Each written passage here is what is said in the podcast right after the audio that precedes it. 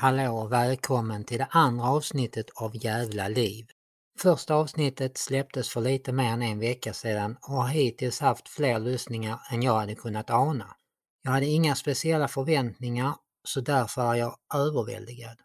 Och jag vill ta i akt att eh, tacka alla som har lyssnat och även hört av sig.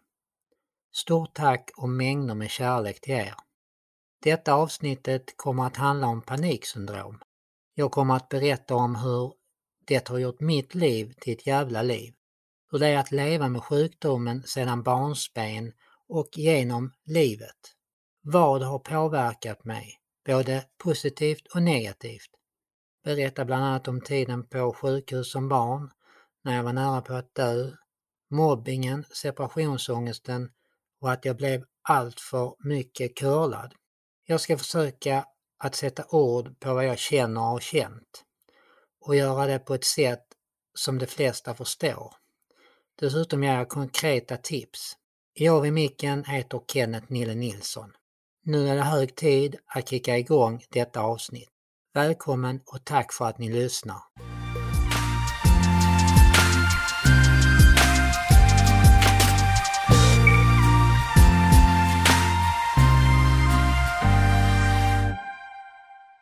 Det finns mycket som kan väcka paniksyndrom vid liv. Ibland behövs det inte speciellt mycket för att få en panikattack. Alla har vi haft någon enstaka panikattack, men det har inte blivit mer än så. Vissa personer kan dock vara mer mottagliga än andra. Och då blir det ett R som aldrig riktigt läker. Det är då det blir en förarglig sjukdom. En del får panikattacker tidigt i livet kanske redan som barn, men utan att veta om det då. Andra kan få det först som vuxen. Oavsett när paniksyndromet gör sitt intåg så önskar i alla fall inte jag att min värsta fiende ska ha det. Jag tror inte att eh, Jocke i filmen Som man bäddar från 2005 är helt ute och cyklar när han frågar nyblivna pappan Jonas varför han tror att bebisar skriker och gråter. När inte Jonas vet så säger Jocke för att de har dödsångest. Nu säger inte jag att alla bebisar har panikångest eller dödsångest för att de skriker och gråter. Det jag säger är snarare att panikattacker är nog mer vanligt hos barn än vad man kan tro. Som Therese Lindgrens bok heter Ibland mår jag inte så bra. Det är så spot on som det bara kan bli. Det är exakt så som det är. I vissa perioder kan dock ibland bli väldigt ofta. Exempelvis när panikattackerna avlöser varandra och det blir efterskalv, som jag kallar det. Just efterskalven behöver egentligen inte vara riktiga panikattacker utan snarare oro och rädsla för att få nya panikattacker. Paniksyndrom behöver inte ge alla samma symptom. Symptomen kan vara helt skilda från person till person. Alla symptom finns inte heller svart på vitt. Paniksyndromet kan alltså te sig väldigt olikt, för vi är alla olika. I Sverige finns det flera hundratusen som har paniksyndrom. Med andra ord är du och jag med i sjukdomen inte ensam. Men jag vet hur ensam man känner sig när man är i ett skov av intensiva panikattacker. Då kan ingenting, och jag menar ingenting, skapa en känsla av samvaro.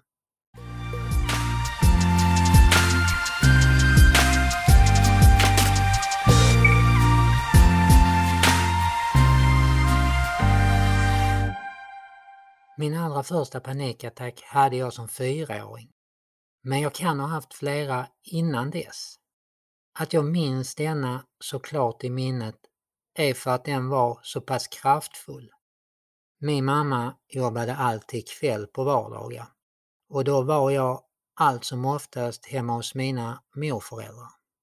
Om jag ska vara helt ärlig var jag hellre hos dem än hemma hos min egna pappa. Relationen med min pappa kommer jag till lite senare i detta avsnitt. Jag lekte i mina morföräldrars tv-rum i väntan på att Björnes magasin skulle börja kvart över sex. Dessförinnan var det Anslagstavlan och Aktuellt. Det var ett inslag i anslagstavlan som skulle generera min första panikattack. De av er som är födda på 80-talet som jag är och kanske tidigt 90-tal vet nog vad anslagstavlan var. Men för er andra, programmet förmedlade samhällsinformation till det svenska folket. Inslaget som gav mig panikattacken handlade om hur man agerar om det blir krig i Sverige. Hela min kropp stelnade till. Mitt hjärta slog så snabbt att jag trodde det skulle hoppa ur bröstkorgen. Jag andades snabbt och intensivt och det gjorde mig yr. Jag var helt enkelt inte där i mina morföräldrars tv-rum utan i ett virrvarr av kaos och panik i mitt huvud. Där och då visste jag inte att Sverige inte hade varit i krig sedan 1800-talet. Sådant vet man inte som fyraåring.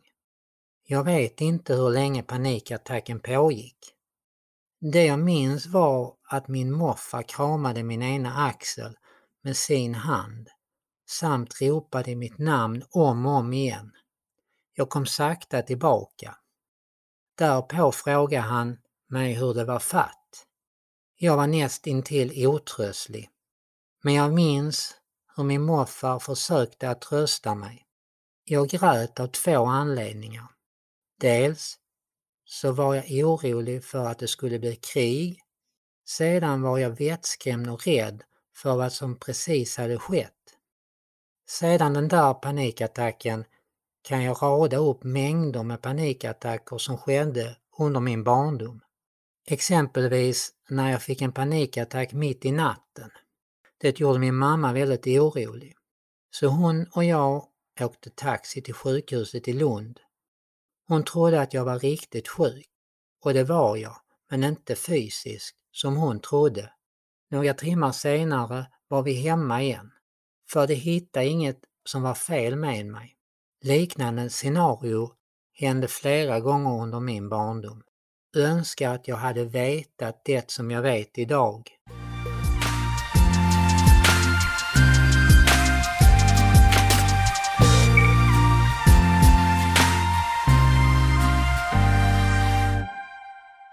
Jag tror att jag fick min beskärda del av sjukhusvistelser som barn.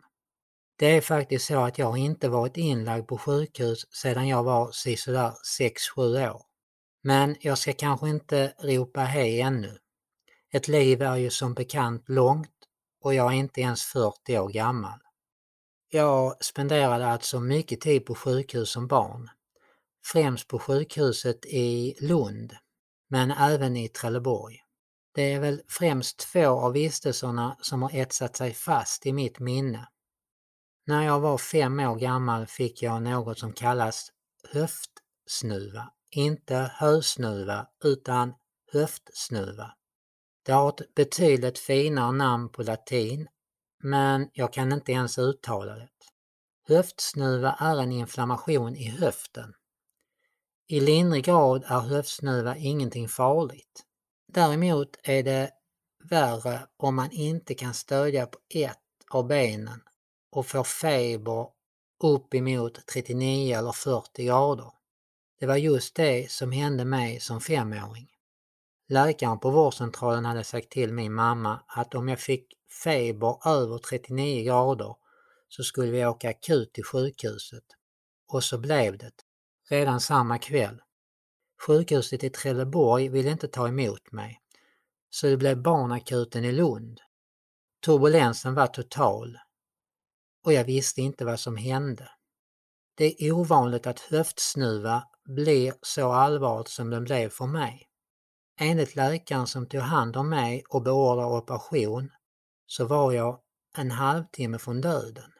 Han menade hade vätskan i höften spridit sig i kroppen hade jag kunnat dö. Det där hörde jag som femåring. Det är inget som man vill veta som ett litet barn. Jag opererades omgående och tappades på vätskan. Ett snabbt händelseförlopp och jag minns hur panikattackerna avlöste varandra. Jag hade ingen aning om vad som hände med mig. Dessutom var det förskräckligt att sövas. Bilderna i huvudet strax innan sövning var fruktansvärda. Fortfarande som vuxen vill jag inte ens påminnas av de där fruktansvärda bilderna från sövningen. Rehabiliteringen efteråt blev några veckor på sjukhus. Jag fick åka rullstol de första dagarna. Sedan fick jag börja gå vartefter. Minns hur min mamma körde runt mig i rullstol på sjukhuset. Vi kunde varenda vrå. Vi åkte oändligt mycket hiss, upp och ner, upp och ner. Jag blev sinom tid helt återställd och fick aldrig höftsnuva igen, även om man kan få det till man är ungefär 12 år. Ännu en sjukhusvistelse har satt djupa spår hos mig. Ännu en sjukhusvistelse har satt djupa spår hos mig. Jag drabbades av ett från början okänt virus. Mitt allmäntillstånd var märkbart påverkat. Inga prover gav svar på vad jag hade drabbats av och därav blev jag isolerad på sjukhuset i Lund. Det blev en längre period som jag och min mamma spenderade där. Jag fick inte träffa någon. Mina morföräldrar såg jag och pratade jag med genom en glasvägg. Det var en tuff tid för mig. Inte bara isoleringen, utan att jag inte visste vad det var fatt med mig. Det triggade panikattacker från och till. Det gjorde inte tiden där lättare. Jag tillfrisknade till slut. När sjukvården fick pel på vilket virus det var. Det kunde ge mig rätt medicin. När jag väl kom hem så har jag nog aldrig varit så lycklig. Än idag har jag svårt att åka förbi eller vistas vid eller kring sjukhuset i Lund. Det väcker bara minnen till liv och sådana minnen som jag inte vill minnas. Förr fanns det en stor elefantskulptur utanför barnakuten. Varje gång jag såg den väckte det minnen och känslor som triggade panikattacker. Detta är bara två av många sjukhusvistelser som jag hade som barn. Jag är övertygad om att dessa vistelser har spett på mitt paniksyndrom.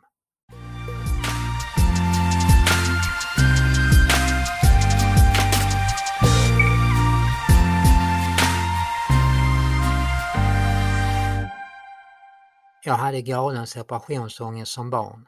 Det finns inga ord som kan beskriva den.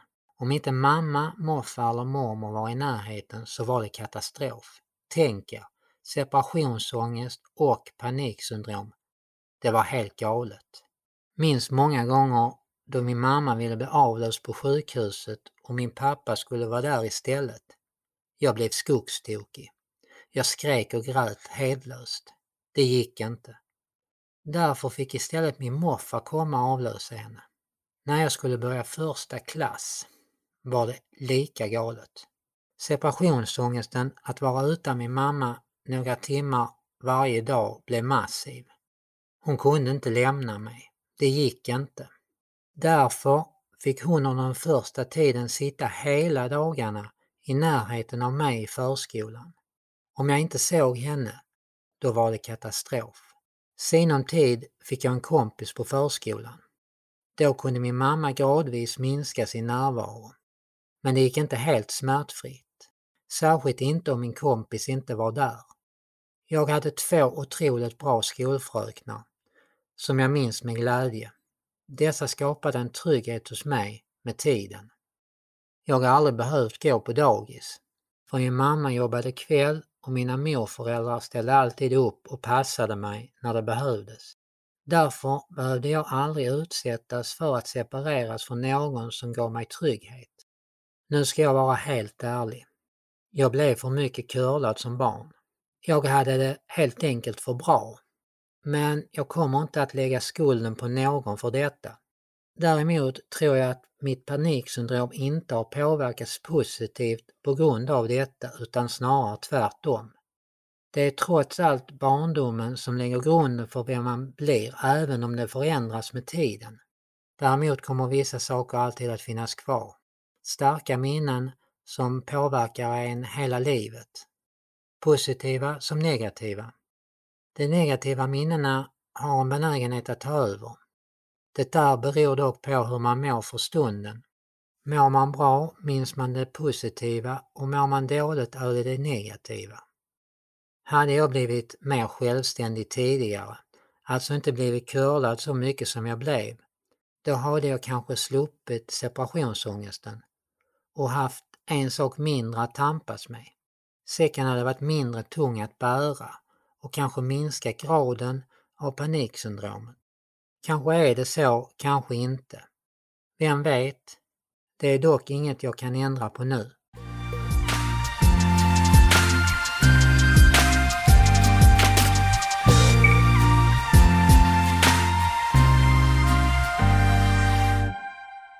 Det skulle ta cirka sju år innan jag förstod att jag hade paniksyndrom.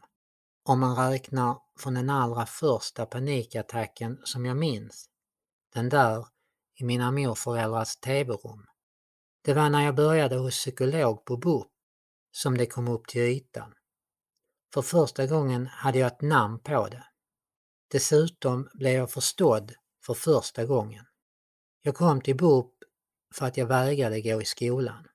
Jag längtade till fredagen men hatade söndagen innan jag skulle somna på kvällen.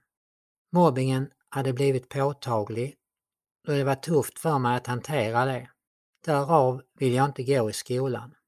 I skolan kände jag mig orolig, osäker och otrygg. Varje skoldag var en kamp. Min höga sjukfrånvaro berodde inte alltid på att jag verkligen var sjuk, utan snarare handlade det om mobbingen. Trots min mammas många försök med att prata med skolan så var det svårt att få bukt med mobbingen. Många av de som mobbade mig höll varandra bakom ryggen. När skolan inte gjorde tillräckligt tog min morfar saken i egna händer. Han började övervaka varje rast stående strax utanför skolgården. Han gjorde allt för mig och kunde inte se att jag blev utsatt. Det gjorde rasterna mer lugna för mig. Vid ett tillfälle dock fick min morfar ingripa. En klasskamrat gick på mig fysiskt. Då såg jag min morfar komma i rask takt emot mig. Han lyfte upp min klasskamrat och sa honom ett och annat. Efter det där blev det rörigt i skolan. Min morfar blev anklagad för både det ena och andra. Och min klasskamrats föräldrar blandade sig i. I det stora hela blev det inte bättre. Jag mobbades främst för mitt utseende. Det handlade om att jag var överviktig och värre blev det allt eftersom. Självklart bidrog mobbingen till det. Det gjorde att jag började tröstäta och höll mig gärna hemma. Ekvationen att jag åt mycket och onyttigt samt att jag var väldigt stillasittande gjorde att jag la på mig kilo efter kilo. Förutom att jag var överviktig så var jag även blyg, naiv och feg. Det gjorde mig till ett lättåtkomligt mobbingoffer. Jag var för det mesta ensam i skolan och allt det där gjorde mig till en slags enstöring. I denna veva hade jag även jobbet med min pappa hemma. Inte på det sättet alla kanske tror. Min pappa har varit frånvarande i perioder, även om han bodde med min mamma och mig till jag var 13 år. Sedan blev det skilsmässa och det var min mamma som tog ut den. Min pappa är analfabet.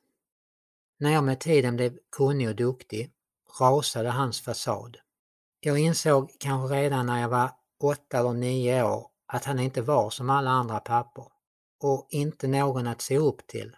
När jag blev för kunnig och duktig, dessutom vass verbalt, så kunde han inte acceptera det. Han blev ofta arg på mig och kunde aldrig berömma mig för något. Med tanke på att jag tidigt kände mig otrygg med honom så blev glappet mellan honom och mig allt större med tiden och till slut för stort för att täppa till eller laga. Ändå hade jag en manlig förebild som barn.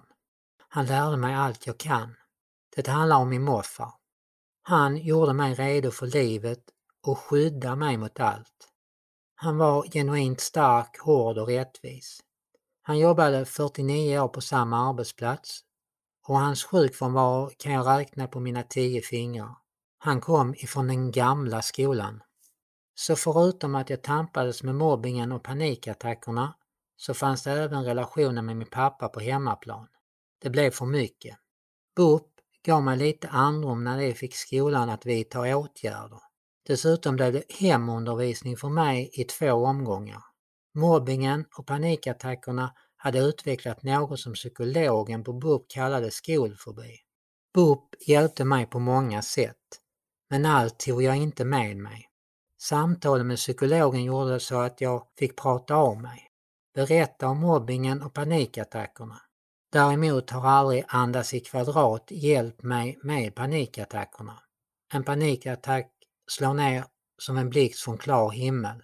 Då är i alla fall jag oförmögen att kunna fatta mig själv att exempelvis genomföra Andas i kvadrat. Mina föräldrar skilde sig sommarlovet innan jag började högstadiet. För mig var det väntat och välkommet. Jag valde såklart att bo hos min mamma. Det blev inte ens varannan helg hos pappa. Det blev bara varannan söndag. Det var jag mer än nöjd med. Jag träffade honom varannan söndag fram tills jag var sisådär 18 år. Sedan blev det allt färre. Som vuxen har jag periodvis haft okej okay kontakt med honom, men inte i dagsläget. Det är ett aktivt beslut som jag har tagit. På högstadiet hade mycket förändrats hos mig. Problemen med min pappa hemma var borta efter skilsmässan. Åren som mobbingoffer hade gjort mig till en duktig människokännare och jag hade lärt mig att läsa situationer. Det gav mig stora fördelar gentemot andra, särskilt de som mobbade mig. Då kunde jag anpassa mig för att passa in och undvika att bli mobbad. Jag kunde då bli någon och bland annat i grupperingar som gav mig skydd. Under högstadiet började jag även träna, främst tennis. Det gjorde att jag började tappa kilo efter kilo. Jag fick även vänner genom tennisen. Det bidrog till att jag blev oantastlig. Jag blev helt enkelt som alla andra, hur tråkigt det än låter. Nu när jag tänker tillbaka på det så blir jag arg över att man inte får se ut eller vara som man vill. Normalt och lagom är bäst. Jävla landet lagom.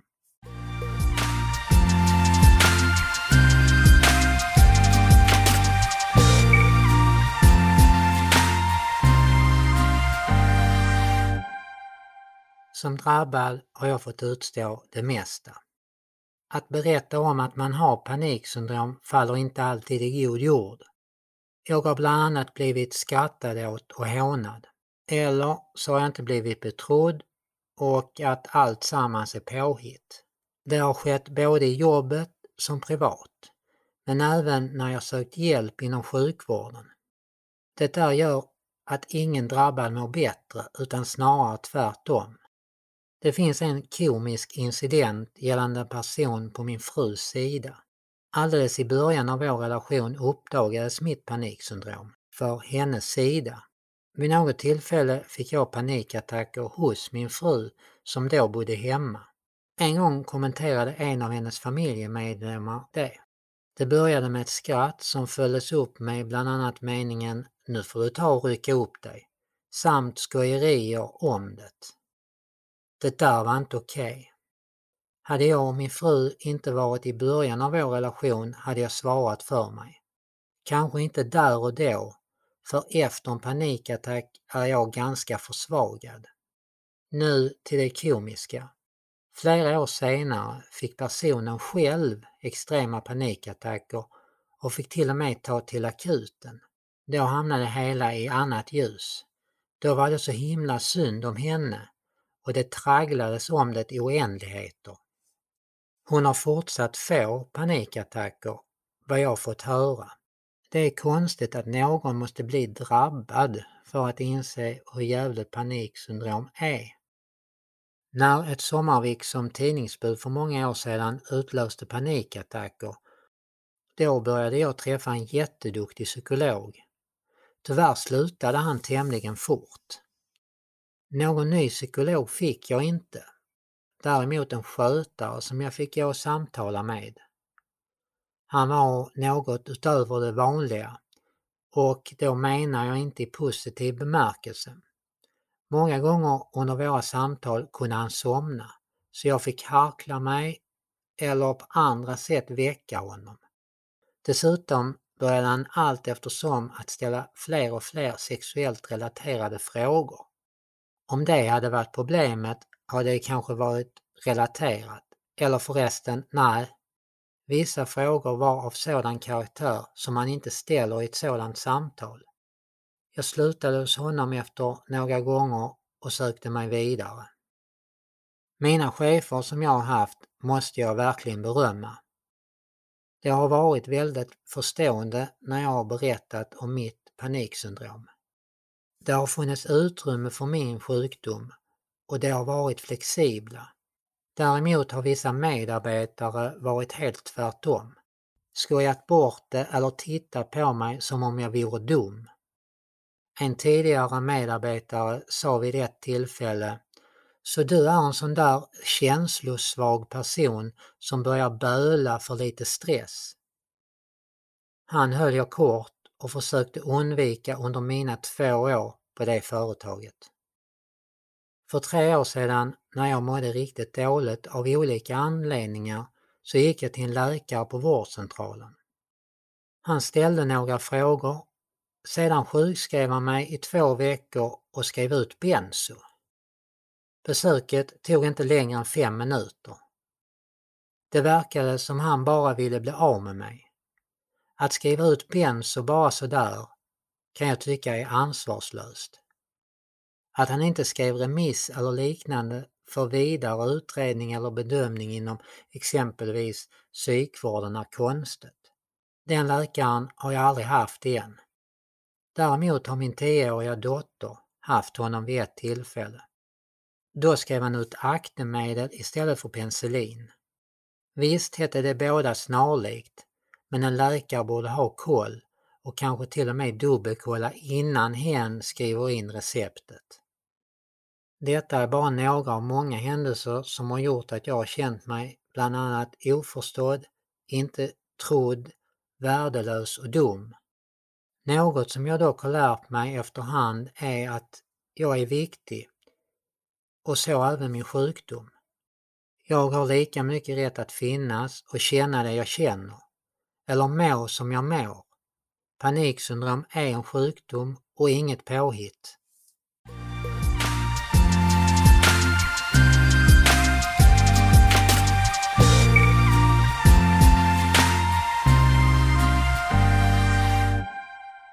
Hur mår jag nu då? Bättre. Det är under kontroll. Dessutom är jag väl omhändertagen av psykvården. Jag har en enastående läkare inom psykvården och en enormt duktig psykolog. Sedan jag bytte läkare till honom som jag har nu så har mycket gått framåt. Han upptäckte bland annat min anorexi och tog den på allvar. Han tog helt enkelt sitt ansvar som läkare och gjorde rätt.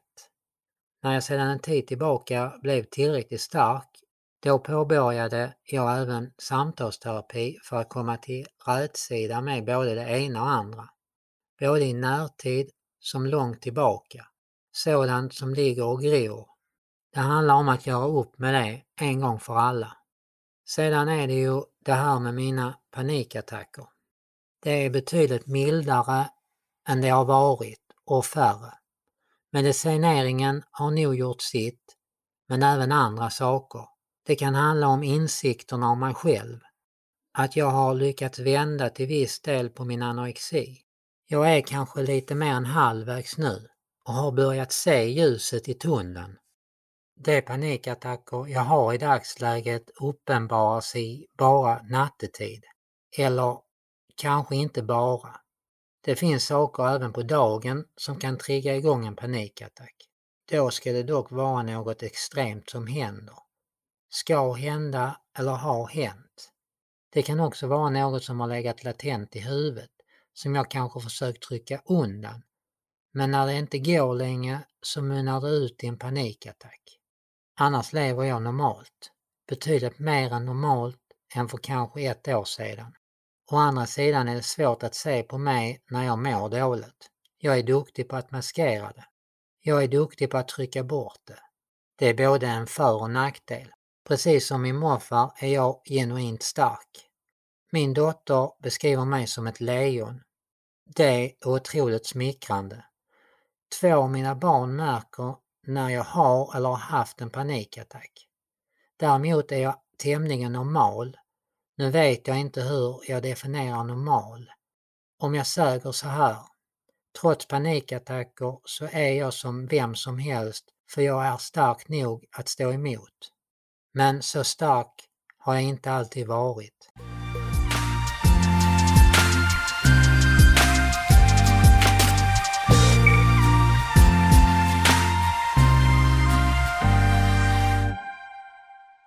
Vad ska jag göra om jag tror att jag har paniksyndrom?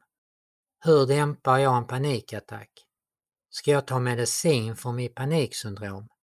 Är vanlig samtalsterapi eller KBT-behandling bra? Det är säkert många drabbade som har dessa eller liknande frågor. Det är kanske så till och med att någon anhörig till en drabbad funderar över dessa frågor. Innan jag fortsätter så vill jag klargöra. Det som fungerar och hjälper mig behöver inte fungera för andra. Paniksyndrom kan te sig väldigt olika från person till person. Däremot kanske det kan hjälpa några drabbade. Rutiner är viktigast för mig. Varje dag är planerad till punkt och pricka.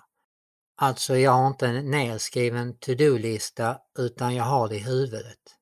Följer jag mina rutiner, det vill säga att har jag att göra från jag vaknar klockan halv sex på morgonen till jag går och lägger mig klockan elva på kvällen, då har inte paniksyndromet möjlighet att erövra mig. Å andra sidan så finns det inte mycket utrymme för speciellt mycket återhämtning. Det jag har märkt sista året är att mina panikattacker kommer nattetid när jag kopplar av och det är ganska logiskt. Jag kan inte ta med mig mina rutiner in i drömmarnas land, tyvärr. Fysisk aktivitet är även viktig för mig. Jag tränar inte alls i den omfattningen som jag gjorde när jag sprang halvmaraton och ultralopp. Däremot så tränar jag i mildare grad 5 till 6 dagar i veckan. Det handlar fortfarande om konditionsträning men det är inte löpning. Fysiska aktiviteter har en positiv inverkan på hjärnan. Det kan bidra till att förebygga och minska paniksyndrom. Det räcker med regelbundna raska promenader på 30 till 45 minuter. Mer aktivitet än så behövs inte. Effekten av en pulshöjande aktivitet kan hålla i sig ifrån flera timmar till några dagar.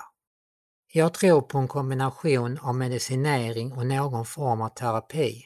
Vägen till att hitta rätt medicinering kan vara lång. Det är sällan man hittar rätt direkt. Om det är någon som har testat många preparat så är det jag. Bland annat Atarax, Benzo och Zoloft. Ibland kan mildare preparat vara effektiva men ibland behövs det något mer kraftfullt. Sedan är det ju så att medicinering trappas upp steg för steg. Det är inte precis som man får maxdos från början. Det skulle aldrig gå. Och det vill jag att alla drabbade ska veta som är rädda för att börja med medicinering. När det gäller terapi så finns det flera olika typer. Jag genomförde en lång KBT-behandling som inte gav mig speciellt mycket. Däremot har min nuvarande samtalsterapi gett mig mer än jag har kunnat ana. Så många insikter som jag har fått. Om du är drabbad av paniksyndrom eller annan psykisk ohälsa så är det viktigt att du inser att du kommer inte besegra den själv. Du behöver hjälp och det finns hjälp att få. Sjukvården och psykvården har bättre vetskap och kunskap om psykisk ohälsa idag. Den måste dock bli bättre. Bättre ska bli bäst. Sedan måste du stå på dig. Det är bara du som vet hur du mår innerst inne. Det är svårt att som drabbad orka driva på. Därför är det viktigt att du berättar för närstående, familj och vänner. Någon av dem kommer säkert att ställa upp på dig. Det kommer att göra allt mycket enklare. Jag vet att psykvården i Sverige är överbelastat. Och det är på grund av att psykisk ohälsa fortsätter att stiga konstant. Därför kan det ta lång tid att få hjälp. Det är fruktansvärt. Så ska det inte få vara. Det är något som regeringen måste på allvar göra någonting åt och fort.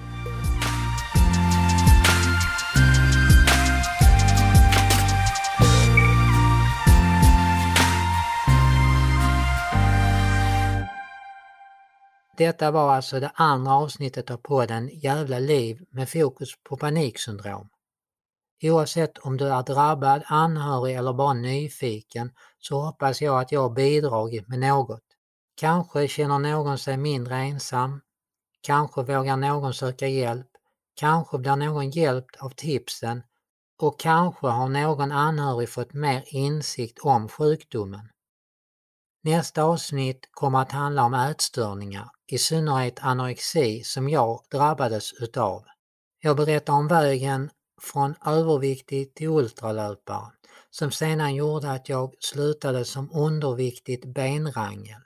Vad som gjorde att jag insåg att jag hade en ätstörning samt kampen tillbaka som fortfarande pågår. Dessutom ska fördomar krossas, bland annat att anorexi bara drabbar kvinnor. Enormt stort tack för att du har lyssnat på podden. Om någon vill komma i kontakt med mig så skicka ett mejl till podden javlaliv gmail.com och följ gärna poddens Instagram. Sök på podden Jävla liv. Glöm aldrig, alla har vi våra strider men det är till för att besegras.